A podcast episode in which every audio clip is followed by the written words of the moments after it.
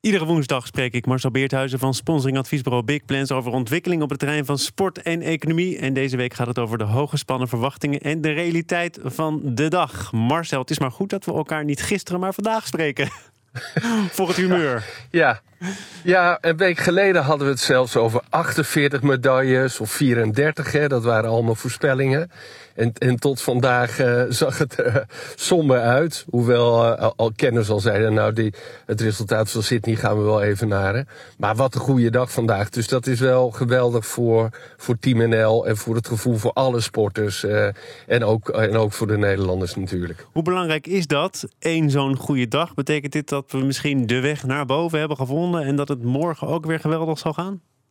Ja, dat is ontzettend belangrijk. Ik weet wel, uh, en dat heb ik wel eerder gehoord van andere chefs de missions en van coaches. In, in Sydney bijvoorbeeld was het dat, uh, dat zo'n beetje iedere dag wel een medaille viel.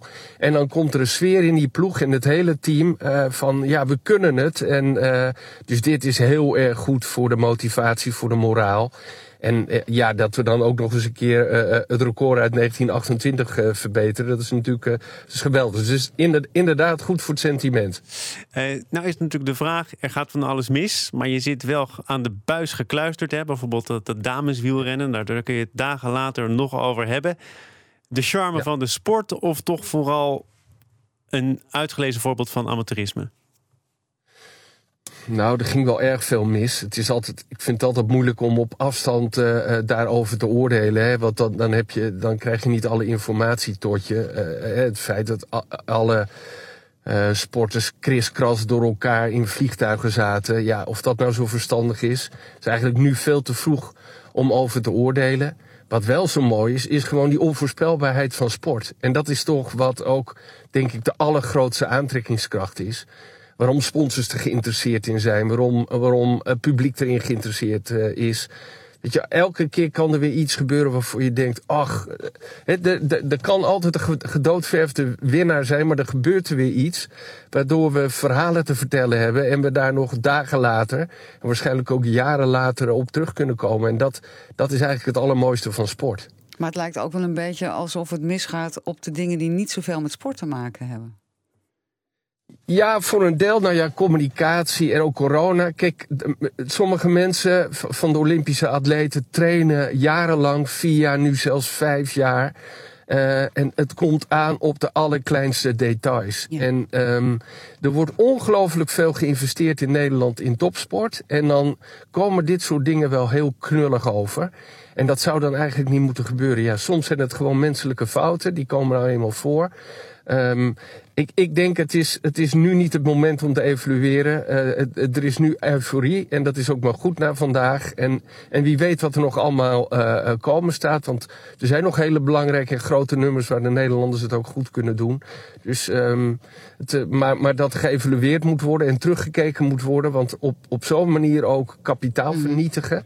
En als dat echt door menselijke fouten komt of, of door gewoon stommiteiten, dat zou echt bijzonder jammer zijn. Ja, maar laten we het ook even bedrijfsmatig bekijken. Want jij zegt die onvoorspelbaarheid, dat is fantastisch. Daar uh, kiezen sponsors ook voor. Ik denk dat er ook sponsors zijn die denken... nou, als ik me verbind aan, ik noem maar wat, Daphne Schippers... dan verbind ik me ook aan een gouden medaille... of in ieder geval op de finale van de 100 meter. Campina bijvoorbeeld. Daphne Schippers maakt bekend, ik ga niet lopen. Ik richt me op andere onderdelen onder, uh, van het atletiekprogramma. Ja. Daar zit je toch als sponsor bijvoorbeeld als zo'n sporter tegenvalt of andere keuzes maakt, ook een beetje mee in je maag? Of kun je zeggen, nee, dat hoort allemaal bij de onvoorspelbaarheid van de sport? Ja, absoluut. Een sportsponsor weet dat winnen en verliezen erbij hoort. En, en in dit soort gevallen gaat het niet alleen maar om de winst, maar ook het feit dat je uitspreekt dat je achter die atleet staat, of achter die atleten, of achter dat hele team. dat je mede mogelijk maakt. Dat is ook een belangrijke rol van de sponsor. Ja, en als sponsor wil je ook nooit bemoeien met uh, zeg maar de tactiek of de strategie of, of wat er in het hoofd van een sporter gebeurt. En we merken nu ook deze spelen hoe ongelooflijk de mentale druk is op al die atleten. Het is niet voor niets dat de grootste atleten afhaken of onder druk komen te staan of niet uh, presteren. Als sponsor moet je daar gewoon weg van blijven.